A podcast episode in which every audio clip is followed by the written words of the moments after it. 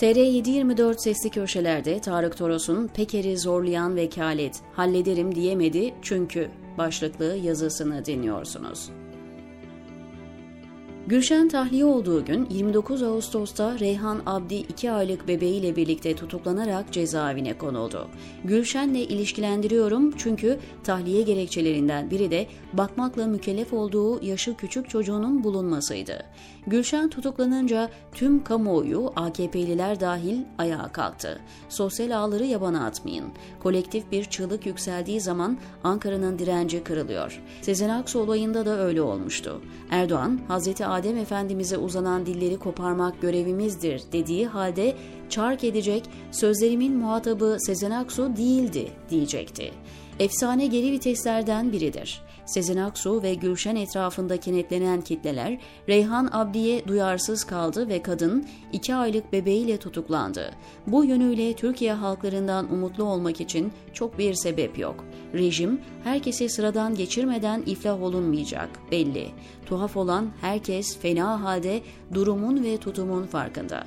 Buna rağmen susuyor, hatta kin duyduğu çevrelere dönük operasyonları içten içe alkışlıyorlar.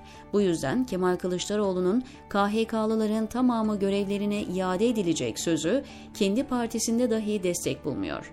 Bakın Ali Fuat Taşkesenlioğlu'nun Bankasya'daki yöneticilik günlerine atıfta bulunup onu cemaat geçmişiyle yargılayanlar, ağızlarından kaçırdıkları bankanın önünden geçenler bile tutuklandığı sözleriyle nankörlüklerini itiraf ediyorlar esasen. Savcılar nerede diye soran, hafızası her sabah sıfırlanan ahaliden yığınla beğeni ve paylaşım alan bir güruh bu. Aslında çok iyi biliyorlar ki mesele savcıyla bitmiyor ve her fırsatta ölmüş yargıyı meşrulaştırmaktan geri durmuyorlar. Ülkede başvuracak merci kalmadı. Bunu sınırlı bir kitle görüyor. Son hafta içinde bunlardan ikisi doğrudan Sedat Peker'e vekalet verdi. Ünsal Ban ve Nihal Olçok. Peker, Ünsal Ban'ın aldığı istihbaratla onun kayınbiraderi Ali Fuat Taşkesenlioğlu'nun SPK dönemindeki kirli çamaşırlarını ortaya saçtı.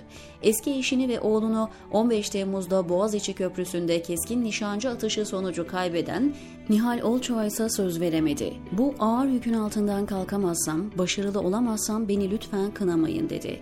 Çünkü biliyor ki 15 Temmuz'a dair kritik bir ifşada bulunursa, kurgulanan yapı domino taşları gibi birbiri üstüne devrilebilir. Bunun altında sadece Erdoğan değil, Peker de kalır. Erol Olçok ve oğlunun katilini tüm oyun planının içinden cımbızlayarak çekip almak kolay iş değil. Nihal Olçok'un dramıyla KHK'lıların durumu birbirine çok paralel. Görmezden geliniyor, kurbanlar kendi kaderine terk edilerek unutturulacak zannediliyor. Geçmişe kalın bir sünger çekmenin hakları iade etmekten daha kolay ve ülke yararına olduğu varsayılıyor. Normalleşmeyle ortaya çıkacak kargaşayı yönetemeyeceklerini düşünüyorlar. Diyelim ki tüm bunlara rağmen halk seçimde iktidarı değiştirdi ve saraydaki zat yenilgiyi kabul etmiyor. Muhalefetin bu konuda bir stratejisi var mı? Sanmıyorum. Ama Peker'in var. Konu da bu zaten, diyor Tarık Toros, TR724'deki köşesinde.